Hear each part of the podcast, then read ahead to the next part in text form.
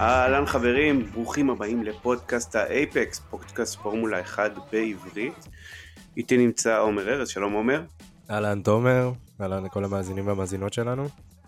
אז דבר ראשון, אנחנו אחרי הגרנד פרי של מונקו, אבל נעשה קודם כל את הקרדיטים הרגילים שלנו. תודה רבה לסיסות הקליטן על האנדר שלנו, תודה רבה לגמלים מדברים על שיתוף הפעולה, ותודה רבה למהנדסים של פרארי שנתנו לנו מרוץ מעניין באיזושהי צורה. אה, כן, שדאגו לשים לעצמם אה, מקלות בין הגלגלים.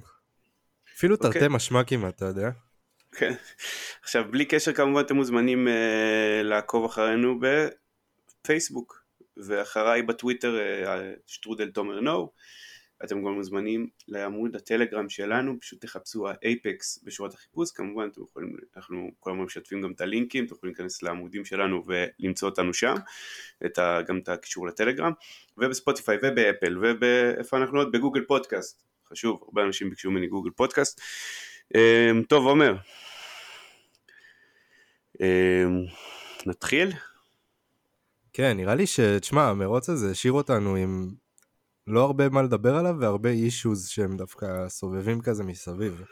אז בואו כן. נתחיל כאילו ממש מההתחלה, וניגע באחד הדברים שלדעתי בין הכואבים למי שאוהב לראות אקשן והרבה, אתה יודע, שינויים שיש בהם, אה, סליחה, מרוצים שיש בהם הרבה שינויים, וזה לראות מרוץ בתנאים משתנים. כאילו, התחלנו בארבע, היינו אמורים להתחיל את המרוץ בארבע, כשהיה גשם.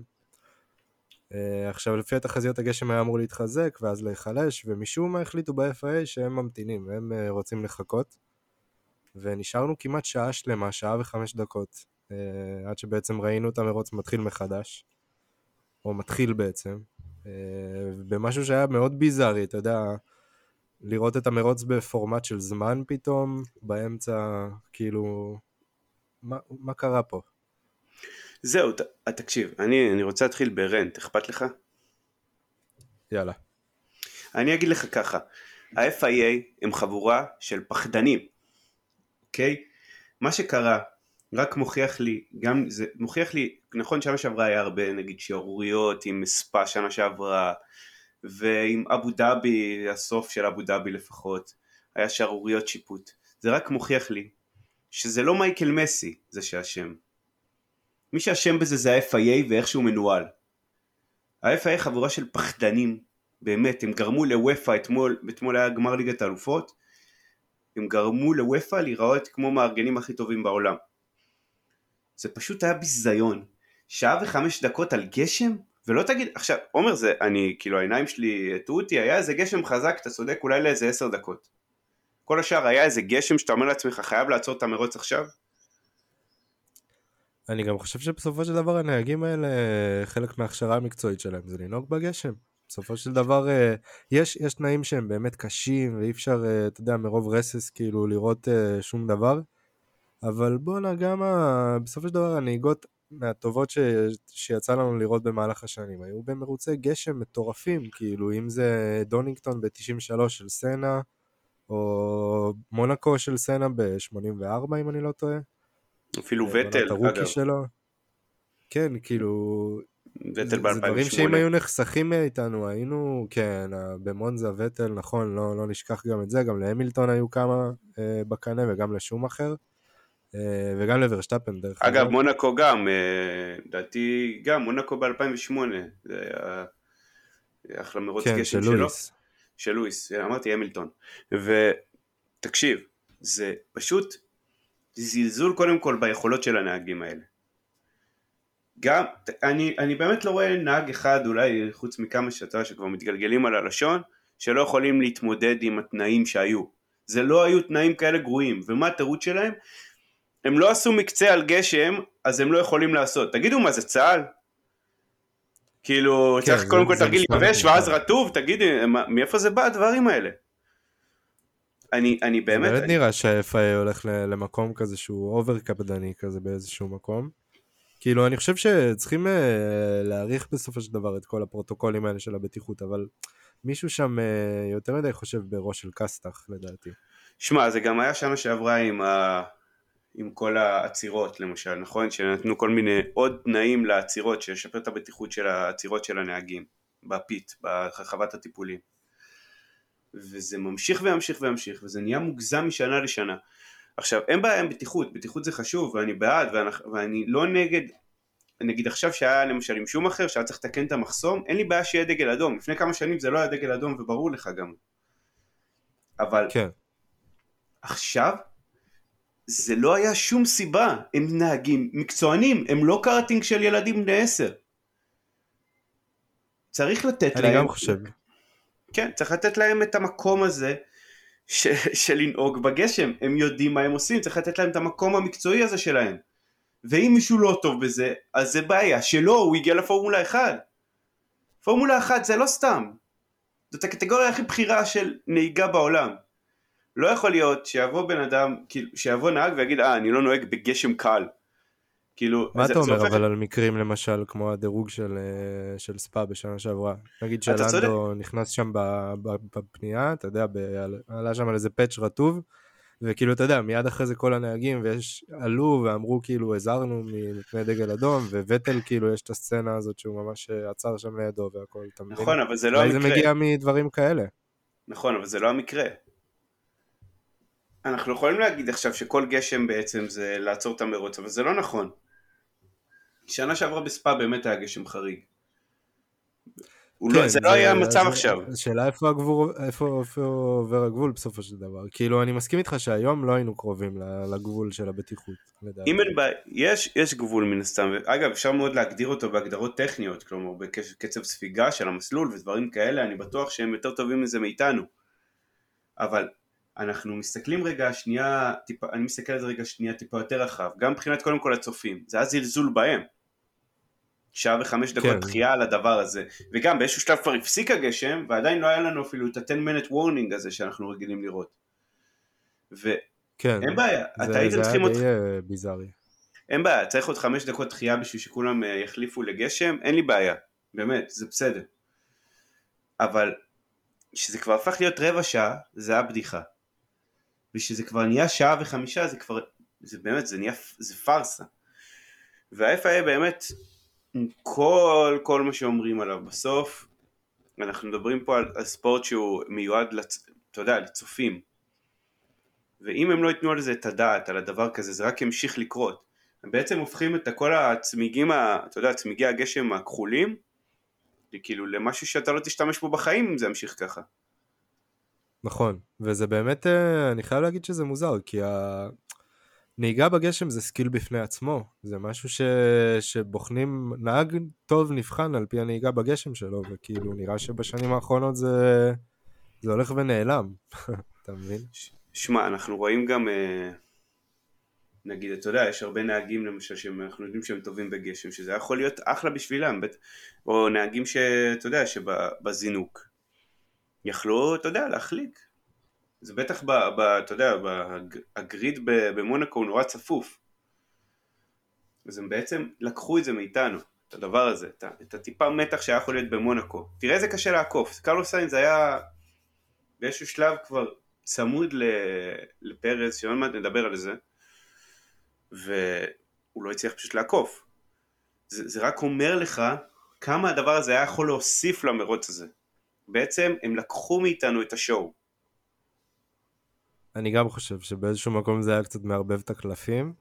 אה, מה אני אגיד לך, חבל, כאילו, אני באמת חושב שזה חלק אינטגרלי מהפורמולה 1, כאילו, וזה דבר שהולך ונחסך מאיתנו עם הזמן.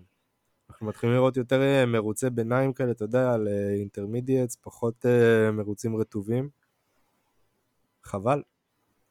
זאת בעיה, והם באמת, ה-FIA שוב, זאת הפעם הזאת בשנה, זאת אחת מכמה פעמים בשנה שה-FIA צריך להגיד לעצמו אוקיי stop, הפורמולה 1 הוא לא נהיה בטיחותי יותר, הוא נהיה אפילו לא זהיר יותר, אני, אני כאילו, הוא נהיה פשוט אימא פולניה לחוצה, זה מה שקורה, כאילו, הוא לא, הוא לא, הוא לא נותן לילד ליפול. עכשיו ראינו איזה תאונה קשה עבר מיק שום אחר, גם בלי הגשם וגם בלי זה, ותראה איך הוא יצא. ובסוף מונקו זה לא מסלול כזה מסוכן בגלל המהירויות האיטיות שיש בו. נכון, יש לך סיכוי לעשות תאונה שם, אבל ה-G לא יהיה כזה גבוה כמו נגיד לא, למשל סילברסטון. כן. כאילו, אם אני לא טועה, המהירות הממוצעת במונקו זה 150 קמ"ש, שזה יחסית כלום. כלום למכוניות פורמולה 1, זה ממש כלום. ב- ביציאה מה, מהסווימינג פול שיקן, אם אני לא טועה, לדעתי המהירות היא זה 112, כאילו משהו כזה, ביציאה מהפנייה, זה כלום. כן, בוא נגיד לא שזה מהירויות שמכוניות uh, מהסוג הזה לא אמורות לנסוע בהן אפילו. זה גם אגב מעלה את השאלה על מונקו, האם זה מסלול ש... אתה יודע, ששווה להמשיך את החוזה איתם. Uh, לדעתי זה משהו ששוקלים ממש עכשיו ב-FIA, כאילו, יש, הרי למונקו יש את היוקרה שלו, בסופו של דבר, אבל uh, אם אני לא טועה הם לא משלמים ל-FIA שום סכום של כסף על האירוח של המרוץ הזה בעצם, ומעבר לפרסום ולספונסרים שמגיעים עם כל היוקרה הזאת, כאילו, אין שום רווח, אז אולי הם באמת יצטרכו לחשוב על זה, כי זה מסלול שעם השנים הופך להיות לא רלוונטי. עם השנים הוא נהיה, נהיה בו רק, ה, רק היוקרה שלו נשארה, אבל המסלול עצמו, קודם כל תראה את הפודיום למשל, לדעתי זו תמיד דוגמה טובה. כל הרחבה הזאת של הפודיום היא סופר, היא, קודם כל היא על הגריד, שזה מוזר. היא כל כך מיושנת, זה תמיד מצחיק. שם, הכל שם מאוד מיושן, זה נראה כמו כלוב כזה, גם אין שם קהל. אמ, וזה, כן, זה נראה, נראה כבר לא טוב, בטח גם הגריד, בעצם הכניסה, כאילו, 아, בעצם הפתיח, איפה שהקו אה, אה, הזינוק והסיום, תראה איזה ישן הוא, תראה איזה צפוף הוא. כן, זה, רואים שזה כאילו מסלול שתוכנן, אתה יודע, הוא עבר איזה כמה שיפוצים במהלך השנים, אבל הוא תוכנן בערך בשנות ה-20 אם אני לא טועה, של, ה... של המאה כן, שעברה. והוא לא, לא השתנה כל כך. לא, אי אפשר גם לשנות אותו, תשמע, הרחובות של מונקו לא התרחבו כאילו מעצמם, וזה גם ככה כאילו לייאאוט שהוא נורא צפוף, אתה מבין? מה דעתך?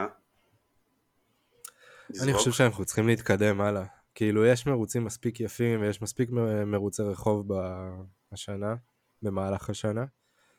אני חושב שכאילו, או שצריכים לעשות איזשהו שינוי דרסטי, או להשאיר את זה לסופה של, אה, אתה יודע, מכוניות קלאסיות. כאילו... לא משהו שהוא חלק מהסבב. לא, זאת באמת שאלה אגב. אני, אני לא יודע, משהו בנוסטלגיה כן משחק אצלי תפקיד, וכן ביוקרתיות של בן אדם שמנצח את מונקו. אגב, זה לאו דווקא, לנצח את מונקו לא אומר לך הצלחה בקריירה, כן? אפשר... כן, דרך אגב, יש, יש הרבה מאוד... אה, גם את צ'ארלס לקלר אפשר, אה, שאר לקלר אפשר לשאול על זה, אבל תשמע, לא, לא, לא ניקח אותו לקטגוריה הזאת, אבל יש אה, דרך אגב הרבה אלופי עולם שלא לא זכו במונקו. אה, יש... כן, בסוף זה מסלול מאוד מאוד קשה, הוא, הוא מאוד טכני, ניתן להם את הקרדיט על זה, זה הופך את מקצה הדירוג לנורא מעניין. כלומר, נהגים טיפה יותר אמיצים לרוב הם מאוד, אתה יודע, מתוגמלים שם, אבל זה הופך את המרוצים לנוראים. באמת, זה בלתי אפשרי לצפייה לפעמים. נדבר באמת על המרוץ שהיה לנו היום? כן, טוב, בוא נתחיל רגע, אתה יודע מה, הפעם אני רוצה קצת, בגלל שהטיפה ערבוב הזה שנוצר לנו בין הקבוצות, אני רוצה טיפה שנתחיל מההתחלה, בסדר? אוקיי, אז אנחנו okay. אוקיי. מזנקים בעצם תחת מכונית בטיחות בחמש וחמישה שעון ישראל, ומה שקורה זה ש... מן הסתם הפרארי 1-2 פשוט נשמר. לא קורה שם שום דבר בעצם, למשך די הרבה זמן האמת. נכון? נכון, רק אה, נגיד שכאילו פרארי יצאו עם הצמיגים הרטובים למרוץ הזה. נכון. אה, גם רדבול זאת הייתה טעות אגב. זהו, הייתה שם איזושהי טעות בגרפיקה דרך אגב, למי שעוקב אחרינו בטלגרם, רדבול לא היו על האינטרמידיאטס, הם היו על, על ווט. זו הייתה טעות כן. בגרפיקה של השידור. ובעצם מה שקורה זה שהם אה, בינתיים גסלי נכנס מאוד מהר ומחליף לאינטרמידיאט, כלומר לתרכובת הביניים, זה סוג של, אה, כלומר, יש לנו שני סוגים של אה, צמיגי גשם, צמיג אחד הוא באמת צמיג גשם מלא על מלא, וצמיג אחר הוא, הוא כאילו בין סליק לגשם, טיפה מן הסתם יותר נוטה לגשם, שהוא נקרא תרכובת הביניים. וגסלי מתחיל לקבוע הקפות מהירות. אה, הרבה יותר מלקלר אגב באותו, באותו שלב, אבל לא מצליח כל כך לעקוף. עד שכן בעצם. כן, הוא, הוא טיפה מטפס שם למעלה, זאת אומרת הוא היה במקום ה-15, אה, הוא מתחיל טיפה טיפה לטפס שם למעלה. אה, אם אני לא טועה הוא מגיע למקום ה-12. נכון, והוא די נתקע שם אחרי מגנוסן באיזשהו שלב, לדעתי גם אותו הוא כיף באיזשהו, באיזשהו שלב, אבל, אבל זה היה סוג של, אה, משם התחיל בעצם סוג של איתות, אוקיי? Uh, זה לקח כמה זמן עד שבעצם שהאינטרמידיאט נכנסו בעצם לפעולה, משם בעצם זה התחיל, אמרו אוקיי, בוא נחליף לאינטרמידיאט, אנחנו רואים גם את uh, המילטון uh, לאט לאט מחליף, ואנחנו אחרי זה רואים גם את פרז, ואז את נוריס, ואז את ורשטפן, ואנחנו קולטים למשל כשהמילטון עוצר שהוא יורד רק מקום אחד. נכון. ואז זה היה אחלה סימן לפרז להיכנס בעצם. וזה היה נראה שפרארי לא קלטו את הסימן הזה. פרז עוצר והוא, מסע... והוא יורד ממקום שלישי לחמישי סך הכל. נכון, זאת אומרת העצירות הן יחסית משתלמות עדיין מבחינת הקצב כאילו. אז זהו, ופתאום, ואני סליחה שאני עושה פה סיפור בהמשכים, לאט לאט, כאילו גם פראר, לקלר גם מבין שהוא צריך להיכנס, ואיפה הוא יוצא? הוא יוצא אחרי פריז.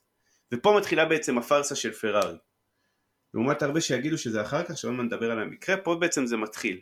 כניסה מאוחרת מדי של לקלר, אי הבנה של הסיטואציות, כי ברגע שהוא כבר, שצ'קו עף על האינטרמידיאט, אז הוא בעצם עושה לו אנדרקאט של החיים. ודי בזול אגב. כן, זאת אומרת, זה שפרארי מחליטים להשאיר את לקלר בחוץ, ולא מגיבים מהר, הם לא ריאקטיביים, הם בעצם מגבילים את האפשרויות שלו להמשך המרוץ.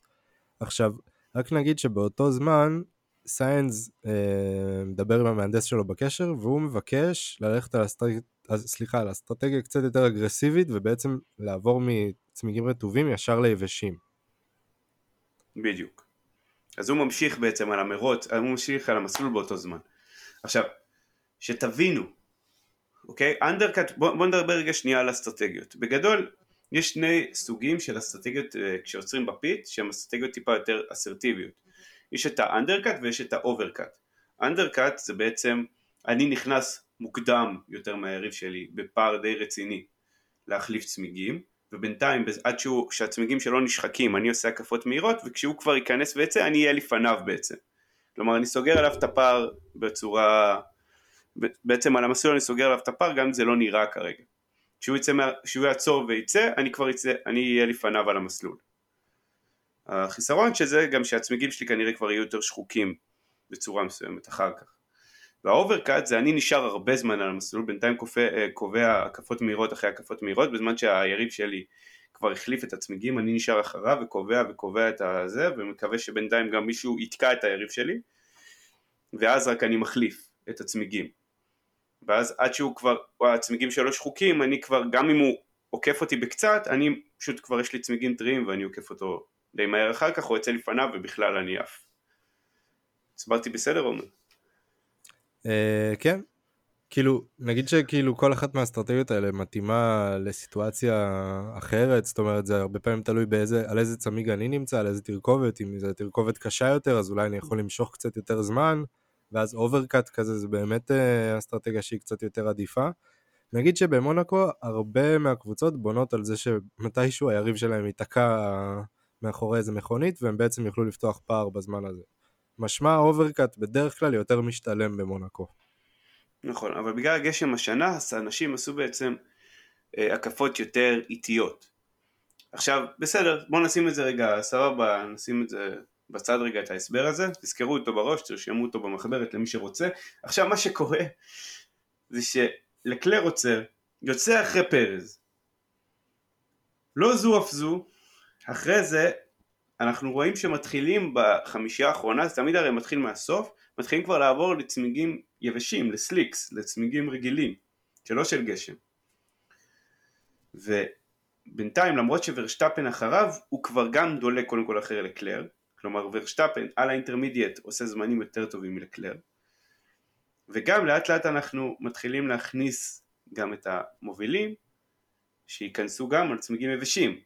ואז סיינס אנחנו רואים פתאום את סיינס ברחבת הטיפולים, מחליף לצמיגים קשים. ואז מה קורה? עומר, מי הישר נכנס אחריו? אז זהו, אז אני בהתחלה ראיתי בגרפיקה בצד, שנפתח כאילו המסך של לקלר והיה רשום box box, ואמרתי כאילו, וואלה, משהו לא מסתדר, כי סיינס נכנס עכשיו, והם גם קראו ללקלר, ואז כאילו הפלא ופלא, תשמע, אתה ישר כאילו רואה אחרי שסיינס יוצא, את, ה... את פרארי בעצם עושים double stack, מכניסים גם את המכונית של לקלר ל pit. ו... ואז התפוצץ לי המוח, כי אמרתי, רגע, רגע, רגע, אני לא מבין כאילו מה... לאן אנחנו הולכים. ב double stack, שתבינו מאזינים יקרים, double stack לרוב מכניסים מן הסתם את מי שאתה רוצה שינצח ראשון, ומי שאתה רוצה שיהיה אחריו שני, כלומר כי הם נהגים ביחד מעכשיו, שזה לא הרבה טוב, שזה, שזה, אלא אם כן אתה יודע, זה מסלול שהוא לא מונקו ואפשר לעקוף. עכשיו, זה בעצם חרבן ללקלר ניצחון בטוח הדבר הזה. מה הם כן, חשבו כן, לעצמם? היה... הוא היה בסופו של דבר ב... המוביל כאילו ה... בנטו של המרוץ הכוונה. אה, היה אמור להיות כביכול. אה, וזה פשוט תקע אותו, כאילו, גם ה pit, ה double stack, זאת אומרת, כל המהלך כאילו של העצירה הכפולה עיכב אותו. אה, וגם ביציאה ורסטאפן פשוט ברח לו, כאילו, כי הרי ורסטאפן נכנס לפניו עוד. אה, כן, סליחה. ורסטאפן, אחרי זה היה double stack של רדבול, אבל כבר פרז נכון, היה... נכון, אני, אני התבלבלתי עם הכניסה ל intermediate, אתה צודק. אז, אז אחרי זה היה בעצם הכניסה הכפולה של רדבול, ופרז יוצא לפני סיינס, וכלומר הם בינתיים נכנסו, עדיין היה אפשר לעשות על ה intermediates זמנים טובים, כלומר אנחנו יודעים שלקלר בעצם פספס פה הזדמנות לקבוע עוד הקפה ועוד הקפה ועוד הקפה ולהיכנס עוד שלוש הקפות ובעצם כנראה לצאת לפני סיינס, ובזמן הזה רדבול באמת קבעו הקפות טובות, ס... פרז יוצא לפני סיינס אז זה אומר שפרז מקום ראשון, סיינס שני, ורשטפן יוצא לפני לקלר, כלומר ורשטפן שלישי על הפודיום, ורשטפן שבכלל התחיל רביעי, בעצם פרארי פיקששו לנהג שלהם את המרוץ הביתי שלו. לגמרי, זה רק עליהם. זה לגמרי עליהם. זה הזכיר לי איזה קטע בסילברסטון ב-2020 אז היה המכונאי המהנדס של קימי רייקונן אומר לו אה, שייכנס פנימה ואז הוא עושה לו stay out stay out stay out stay out. ופשוט קימי כבר היה אתה יודע כבר ברחבה של הפיט it's too fucking late now. וכאילו בדיוק אותו דבר. איזה קללות גם שארל הרביץ שם אני בטוח. זהו, קימי היה קצת יותר רגוע ואדיש בסיטואציה הזאת, לקלר היה כאילו, הוא היה חריף, אני שמעתי את ההקלטה, הוא היה חריף. אבל קלר לגמרי היה מאוד חריף, הוא, הוא קם עד הדגל האדום של שום אחר, איזשהו שלב שום אחר נתקע במחסום והיה הדגל האדום, הוא פשוט אמר, הפסדנו, והוא ידע את זה, הוא ראה את זה קורה.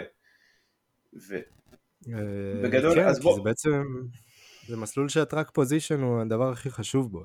אתה לא, לא מוותר עליו ואימא, כי ראית, גם פרז בסופו של דבר ניצח את המרוץ הזה עם צמיגים הרבה יותר נחותים משל סיינס. אז אני, אני באמת, קודם כל, אה, בוא, בוא רגע שנייה נדבר בעצם עכשיו על כל קבוצה, בוא, בוא שנייה ננתח רגע מה קרה פה, אוקיי? מבחינת, רד, מבחינת פרארי, הם בעצם קראו כנראה ללקלר בטעות, הם כנראה בנו על עוד שלוש הקפות, כי הם ראית שהם צעקו לו להישאר בחוץ כשהוא כבר נכנס, והם פשוט חרבנו אותו לגמרי. עכשיו מבחינת רדבול, הם הלכו על האסטרטגיה המאוד רגועה, המאוד ללכת עכשיו על בטוח, אנחנו עוברים מפול ווט, אנחנו עוברים מצמיגי גשם מלאים לתרכובת ביניים, ואז אנחנו עוברים ליבשים, כי לפי השלבים של ההתייבשות של המסלול, וזה הוכיח את עצמו. אה, מבחינתי, אם אתה שואל אותי, באותה מידה זה יכל גם לגמרי לא לעבוד. אמ, כאילו, תשמע, זה פרארי זרקו את המרוץ הזה לפח מבחינתם. רדבול לדעתי היו קצת יותר פסיביים במרוץ הזה. הפעם זה השתלם להם, תשמע, אני לא אגיד לך שלא. אה, אבל ורשטפן היה קצת יותר אנמי בסופש הזה. אה, קצת פחות הסתדר עם ה setup ועם המכונית. צ'קו לעומת זאת כן בלט, אני לא יכול להגיד שלא. אה, הוא ממש נתן סופש מעולה מבחינתו. אה, ולדעתי זה קצת כזה אפילו, אתה יודע, הוא נותן איזה מרפק כזה קטן לקריסטיאן, אה, ולהראות לו שהוא עדיין שם, שהוא יכול לסחוב את הקבוצה לניצחון. אחרי שבוע שעבר, כאילו אני מדבר מה שהיה בברצלונה, כן. על העניין הזה שנתנו לוורשטפן לעקוף אותו.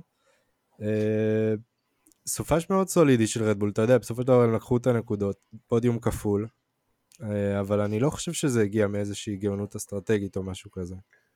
אני לא, לא יודע, אני לא איתך בקטע הזה, אני חושב שבסוף, קודם כל הם ניהלו את זה הרבה יותר נכון, אנחנו רואים שסיינס גם שהוא הלך, שסיינס כן הוא יכול להיות דוגמה, כי בסוף האסטרטגיה של סיינס זה כן מה ש... שהם תכננו בדיוק, הוא עבר מהפול ווט ל... אה, ליבשים פשוט. ו... כן, זאת האסטרטגיה שדרך אגב הייתה צריכה לנצח את המרוץ. לא יודע, ש... לא יודע אם זה הלך לו, הוא יצא אחרי פרז. זה לא בטוח שזה... אה, אבל גם, לא כי לדעתי הוא נתקע שם, הוא נתקע שם ב outlap לדעתי, אבל אה, כאילו לדעתי, אם, אם היו כאילו עושים לקלר את ההחלפה הזאת כמו שצריך מווט לסליקס, זה היה צריך לעבוד לפרארי. עכשיו, אנחנו רואים קודם כל את סרחיו, סרחיו רק 6 נקודות אחרי שער לקלר. שזה גם הגיוני, אתה יודע, בסוף אה, יש לו, נגיד ללקלר יש DNF אחד ו... וניצחון אחד יותר סך הכל מסרחיו פרס. כן, הדומיננטיות של פרארי כבר לא, לא מה שהייתה. כאילו בתחילת העונה לפחות, אתה יודע. אז כרגע, וזה מגדיל גם את הפער באליפות היצרנים, כבר 36 נקודות הבדל. פר, פרארי פשוט עושים את מה שפחדנו שהם יעשו, שהם יהפכו להיות ליצנים. כן, זה נראה ככה, כאילו זה איפשהו תסמין כזה של איזשהו חוסר ניהול דומיננטי בקבוצה לדעתי, כאילו, אתה יודע, משהו שם יותר יודע להתנהל בחופשיות, כאילו, תשמע, קבוצה שעושות טעות כזאת, זה באמת, אה, אני לא יודע מה להגיד לך, זה גם לא, לא תגיד שנפל להם פתאום איזה בלטה מהשמיים, המרוץ היה מאוד אה, מתוכנן ורגוע יחסית עד לשלב הזה. שמע, היה את ה... אני חושב ש... שהיינו יכולים, אה, שחלק יגידו שהיה דגל אדום, אבל אני לא חושב שזאת הסיבה למה שקרה. אני חושב שהדגל האדום הזה כבר בא בשלב שהוא מאוחר מדי לפרארי. כן, הדגל האדום עזר לרדבול, כאילו, אתה יודע, להרוויח אה, עצירה חינם, אבל מעבר לזה, כאילו... כאילו, בוא נגיד שלקלר לא היה מנצח במרוץ הזה, גם אם לא היה דגל אדום לדעתי. אגב, בינתיים אנחנו יודעים שפרארי הגישו אה, מחאה נגד מקס ורשטפן, אה, שלכאורה חצה את הקו הלבן בזמן שיצא מהפיט. אה, לדעתי, לא יקרה עם זה כלום, כי אני חושב שכולם ראו את זה והם לא עשו שום דבר, אז אין מה. אה, ניסיון די נואש של פרארי קצת להרוויח נקודות מהמרוץ הזה. עכשיו, אם אני רגע רוצה, נציין רגע משתי המובילות, כי בסוף יש פה באמת פארסה של פרארי, ניצחון די גדול לרדבול היום. אני רוצה דווקא לא ללכת לג'ורג' ראסל שהוא חמישי וכל הכבוד לו, היה הבן אדם היחיד כל השנה שמסיים עד עכשיו בנקודות ותמיד בחמישייה המובילה, ואגב אם כבר סטטיסטיקה מוזרה אז פעם ראשונה שוורשטפן מסיים מרוץ העונה ולא מקום ראשון, שזה יפה. ו... אהבת? ועדיין על הפודיום. עדיין, עדיין על הפודיום. אז אנחנו ממשיכים את זה בעצם כמסיים מרוץ ותמיד על הפודיום. אה, אגב גם שנה שעברה הוא היה מאוד קרוב לזה. אה, והיה חוץ מהונגריה אם אני לא טועה. כן, בקצב אה, הזה, תשמע, יש לו סטטיסטיקה מפגרת, כאילו. קודם כל, דיברנו פרק שעבר על היחסי המרה של לקלר, מ pole position לניצחון, והם מביכים. אז עוד אחד לאוסף. עוד אחד לאוסף, לדעתי, כמה זה היה שפעם שעברה? אמ, אני חושב שיש לו 14 pole פוזיישנים וארבעה ניצחונות. אתה מבין? ובינתיים צ'קו אגב מצמצם עליו מבחינת הניצחונות, צ'קו כבר שלוש ניצחונות על, אה, כן, הרבה פחות pole position בוא נגיד את זה ככה. כן. אז... אה, לא? pole position, נכון, היה לו השנה את הראשון שלו אם אני לא טועה, נכון? אה, כן, אחד, אחד, נכון. כן, אני חושב שרק אחד. למרות שהכל pole position הוא לוקח אה, שלושה מרוצים, שם ביחס נוראי. ואני רוצה אבל להתייחס רגע לפרננדו אלונסו שנייה. ראית מה שהוא עשה? אלונסו שלט שם בגריד באיזשהו שלב, אתה יודע, החזיק את המילטון אה, צמוד צמוד, ובעצם כאילו יצא מצב שיש לנו שתי דבוקות במהלך המרוץ. אז אה, זה היה מעניין, אבל בסופו של דבר כל המהלך הזה, זה בעצם היה סוג של מהלך אסטרטגי של אלפין בשביל אה, שאוקון ייצמד להמילטון כמה שיותר. כל ה... קודם כל אוקון בסוף סיים מקום 12 בגלל העונש חמש שניות שלו, הרי אוקון והמילטון התנגשו בתחילת המרוץ אמ, וזה לא כזה עזר, אבל מה שקרה אלונסו תכלס תכלס לפני שהוא כבר, הוא התחיל לעשות את זה לפני שאוקון קיבל את העונש, הוא רצה לשמור על הצמיגים שלו. עכשיו זה, כן. זה נגיד גאונות של נהג, כי הוא יודע זה מונקו, אף אחד לא הולך לעבור אותי פה בחיים האלה. בטח אם זה פרננדו אלונסו. בטח אם אני פרננדו אלונסו. אז מה אכפת לי? אני לא הולך לעקוף גם את נוריס. אז מה אכפת לי? כן. פשוט מאוד מהר כבר נפתר פער של כמעט חצי דקה בין אלונסו לנוריס, שהוא מקום שישי. ופשוט נוצרה אחריו שרשרת מטורפת, רכבת מטורפת של נהגים, שפשוט לא, אף אחד לא יכול לעקוף את אף אחד. והם פשוט היו תקועים אחד אחרי השני, כולל המילטון, כולל בוטס, וטל, לדעתי גם אוקון היה שם תקוע. כן. וזה הגיע כבר לאיזה מקום 13, כאילו זאת הייתה הרמה, אף אחד פשוט לא יכול לעקוף אף אחד. וזאת באמת גאונות של נהג שיודע להשתמש גם במסלול לטובתו, שהוא מבין את המסלול, שהוא מבין את הלייאאוט, שהוא מבין מה אנחנו, מה אני רוצה, כאילו לא, לא בהקפה הזאת, אלא בעוד 15 או 20 הקפות. Uh, כן, זה כאילו, אני חושב, אתה יודע, אלפין מוציאים כזה את המקסימום שהם יכולים מכל מרוץ בינתיים, לפחות מנסים. Uh, כל עוד הם לא מחליפים מנועים לאלונסו. ו... כאילו, מה אני אגיד לך, הקבוצה גם קצת מאכזבת באיזשהו מקום. אני לא יודע אם הם כזה כבר השלימו עם העובדה הזאת שהם לא יהיו ב top כאילו של ה top העונה הזאת. אה, ומעניין אותי כאילו לאן זה הולך בשנים הבאות, אבל אה, בטוח שיהיה לנו עוד זמן לדבר על הדברים האלה. שמע, אה, אם עכשיו, אם נדבר רגע שנייה על אלפיין כקבוצה, מבחינת חדשות, הם כנראה הולכים להכריע מאוד בקרוב, יותר בקרוב ממה שחושבים לגבי מי יהיה צמד הנהגים שלהם בעונה הבאה. מצד אחד יש להם את אלונסו, שתראה איזה דברים הוא עושה, והרבה פעמים הוא לא סיים בגללם העונה.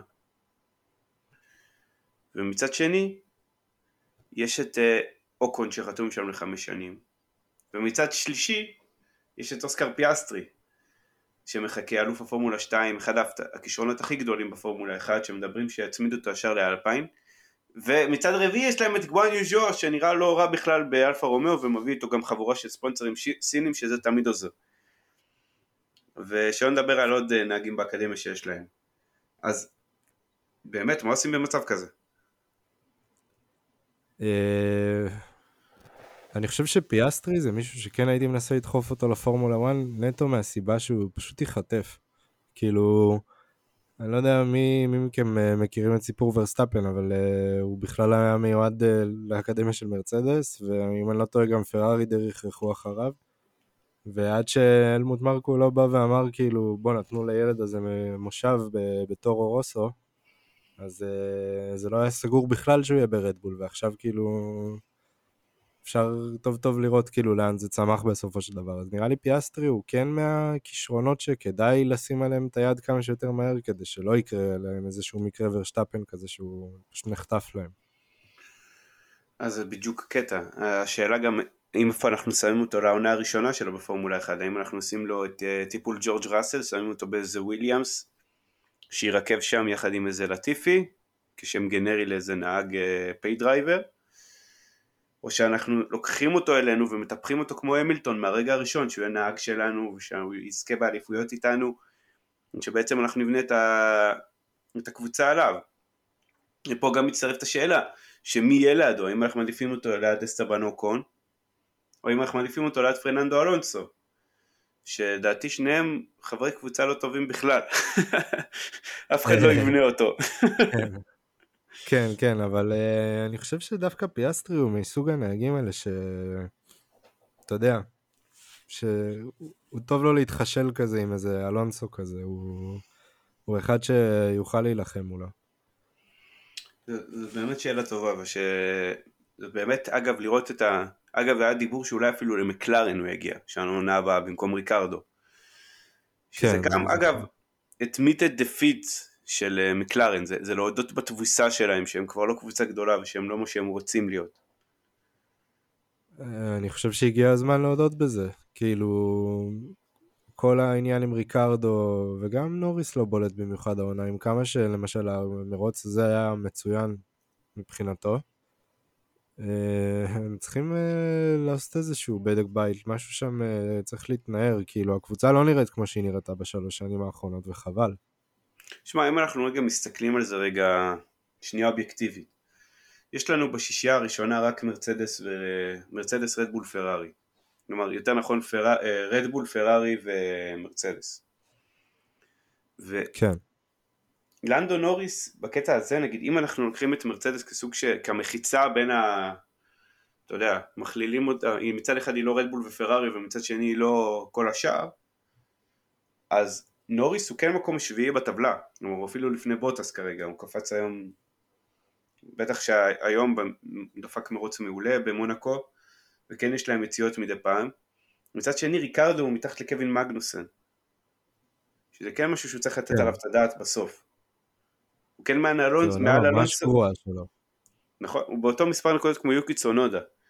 עכשיו, עם כל הכבוד ליוקי צונודה שהוא גם, לדעתי אגב נותן עונה לא רעה בכלל, היום במרוץ הזה פחות, אבל באופן כללי עונה לא רעה. זה לא... הוא לא אמור להיות אה, יחד עם ריקרדו באותו מקום. בטח לא אחרי שישה מרוצים כבר. לא, ממש לא. כאילו... אני יצא לי האמת דווקא לראות פוטאג' קצת של ריקרדו מ-2016 ומ-2017 ואתה רואה שזה לא אותו נהג, כאילו הביטחון ברכב זה לא אותו ביטחון, יצא לי גם לא מזמן לראות איך הוא נוהג במונקו ב-2016 ואחר כך ב-2018 וזה ממש לא אותו דבר, כאילו... כבר לפחות מאז אה, עונת הפודיומים שלו עם סיריל, עם הקעקוע, לא, לא ראיתי אותו נוהג ככה בביטחון על, על, על מכונית פורמולה 1, כבר הרבה זמן. אגב, הקפה 33 זה סוג של, אה, היה רגע שקיבלנו את ה... אה, שום אחר בעצם נכנס אה, במחסום בטיחות, פשוט החליק שם, ועד עכשיו לא כזה ברור מה היה, זה נראה כמו, את האמת שבשידור האנגלי אמרו שזה אולי המנוע, זה נשמע כאילו המנוע שלו הפסיק. עכשיו השאלה נגיד, אם נגיד זה באמת תקלה טכנית שגרמה לדבר הזה, שאגב גם מגנוסן פרש, הבמאי לא הראה לנו את זה בכלל, לא ידעתי שהוא פרש כן. עד לזה. האם זה, זה כנראה, אם אה, אז סיימו את הדבר הזה על שתי תקלות טכניות, האם כל הדיבורים שלהם פעם שעברה על אה, זה שהם אה, זלזלו באסטון מרטין, שהם הביאו רכב חצי חדש ואנחנו לא הבינו שדרוגים, האם זה מתפוצץ להם בפנים?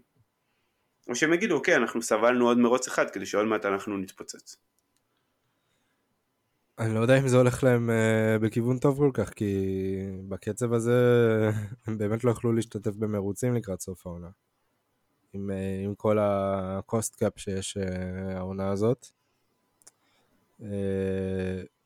אני הבנתי כאילו שהנזק מטורף יחסית, אתה יודע, הרכב התפרק לשניים, כאילו, זה היה נראה די רציני.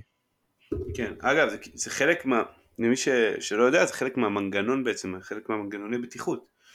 שהרכב בעצם התפרק לשניים, זה אחד הלקחים אז מהתאונה של, של גרוז'אן, ב, זה היה בשכיר, נכון? בבחריין, לפני כשנתיים. בעצם אנחנו רוצים כן. כאילו להפריד בין התא דלק ישר לבין המכונית עצמה לבין הנהג וזה חלק מה... שגם זה מוריד טיפה מה... מהעוצמה של הפגיעה בעצם היא בעצם מתחלקת לשניים כלומר זה לא פשוט הכל פוגע בך במכה אחת אני לא איזה מהנדס או משהו אבל uh, כן שווה לבדוק את זה ואל תקשיבו לכל קשקשן שחושב שעושים את המכוניות האלה מפלסטיק um, בלי קשר יש איזה נהג שאתה רוצה לציין ככה לקראת סיום?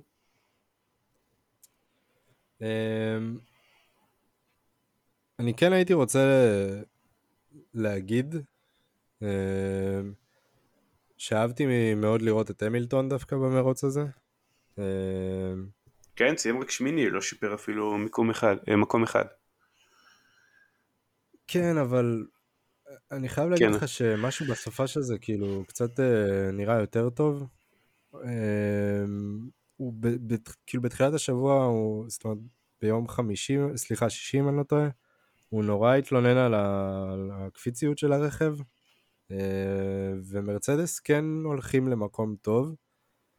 בדירוג הוא וגם ראסל היו איפשהו כאילו דווקא במקום יחסית טוב במיקס, אה, יותר ג'ורג' למען האמת.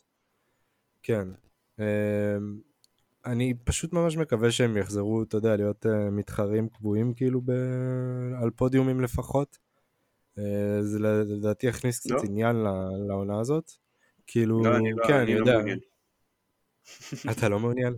לא, אני דווקא, אני יודע שיש לך אנטי למרצדס, אבל בסופו של דבר אני כן הייתי רוצה לראות uh, עונה ששלוש קבוצות נלחמות על, על הטופ. שמע, אחרי שטוטו וולף בסוף העונה של Drive to Survive אומר לי everyone has target on their back וכל החרא הזה שלו, אני מאוד שמח אחי שזה מתפוצץ לו בפנים ושכל העם היעמיק ככה, כל, ה... כל המנחוס מתפוצץ לו. אה, זה כבר התפוצץ מספיק, הוא יצא מספיק אה, פרש כאילו, אבל אה, למען התחרות הייתי רוצה לראות קצת עניין, כי זה נראה שרדבול הולכים... לעונה דומיננטית. כן, זה מזכיר לי קצת את תחילת העידן הקודם, כאילו. עכשיו, אגב צ'קו הוא הראשון השנה שהוא לא מקס או לקלר שזוכה במרוץ, שנוצח מרוץ שזה יפה. המרוץ הבא אגב הוא לא עכשיו הוא עוד שבועיים, הוא יהיה בבקו שבאזרבייג'אן, שזה תמיד מרוץ מעניין. בטח לשאר לקלר אנחנו כאילו מקבל אה, רצוף את כל המרוצים שהוא הכי אוהב. לגמרי. אז, אז באמת שרל קלר יש לו קטע שם להתרסק, לדעתי זה פנייה חמש, אני לא, אני לא סגור על זה עכשיו, יש לו קטע שם תמיד אה, לדפוק את הגלגל שלו. אמ, ובגדול, המרוץ בבקו, אחד ממרוצי הרחוב הכי קשוחים שיש לנו בשנה.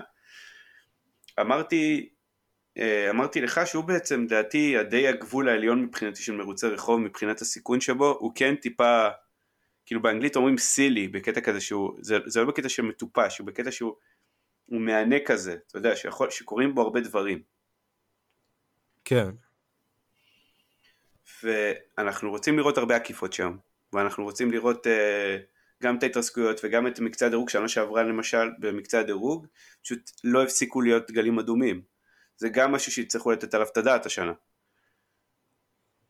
Uh, למען האמת אני בספק אם זה ישתנה, שתדע לך, אבל uh, כן, זה, זה באיזשהו מקום, אתה יודע, זה הורס את הרצף. אני בטוח שגם לנהגים זה, זה משהו שהוא בלתי נסבל, כאילו לצאת מהרכב ולחזור ולהתחמם ולעשות הקפה ולא להספיק, וזה באמת משהו שהוא יכול uh, לטמטם.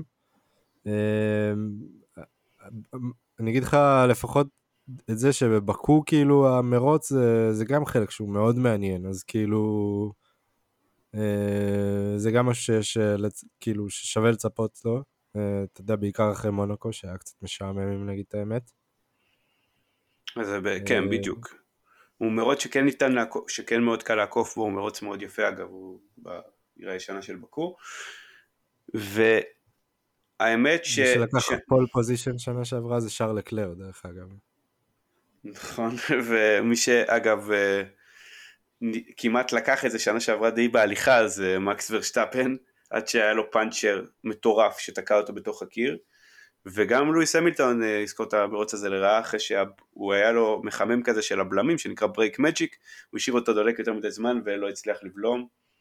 ומצא את עצמו בקיר וצ'קו זה בעצם כמעט שנה על הניצחון השני של צ'קו והניצחון הראשון שלו ברדבול מוקדמות, המקצה הדירוג יתחיל בשעה חמש שעון ישראל ביום שבת של ה-11 ביוני, זה עוד שבועיים. וב-12 ביוני בשעה שתיים, כן, תזכרו את זה, זו שעה מאוד מוקדמת יחסית, יהיה את, אה, את המרוץ עצמו. מבקו, שמעו זה, יש לזה פוטנציאל חבל על הזמן המרוץ הזה, בטח השנה, פרארי צריכים לבוא אש, הם חייבים, בעצם אה, אם לא רדבול מתחילה לברוח להם, כאילו... זה כבר נראה ש... שזה הולך למקום הזה, אבל uh, אתה יודע, הם כרגע בפער שהם עוד יכולים לסגור, 36 נקודות זה, זה לא הרבה באליפות היצרנים לבינתיים. בדיוק, בואו בואו נסגור עם הטבלאות.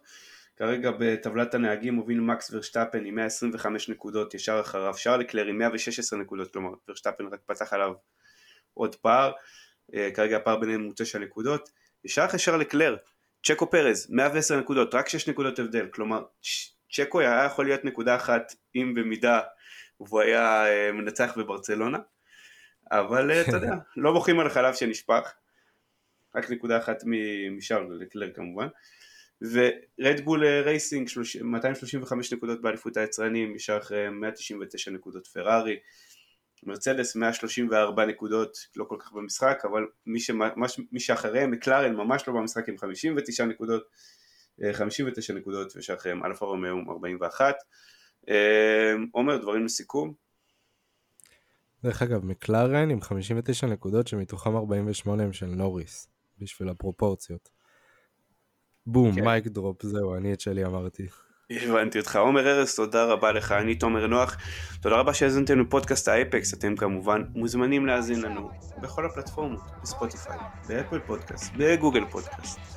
אתם כמובן גם ב Anchor, שזאת הפלטפורמה המובילה שלנו. אתם יכולים לחפש אותנו בפייסבוק.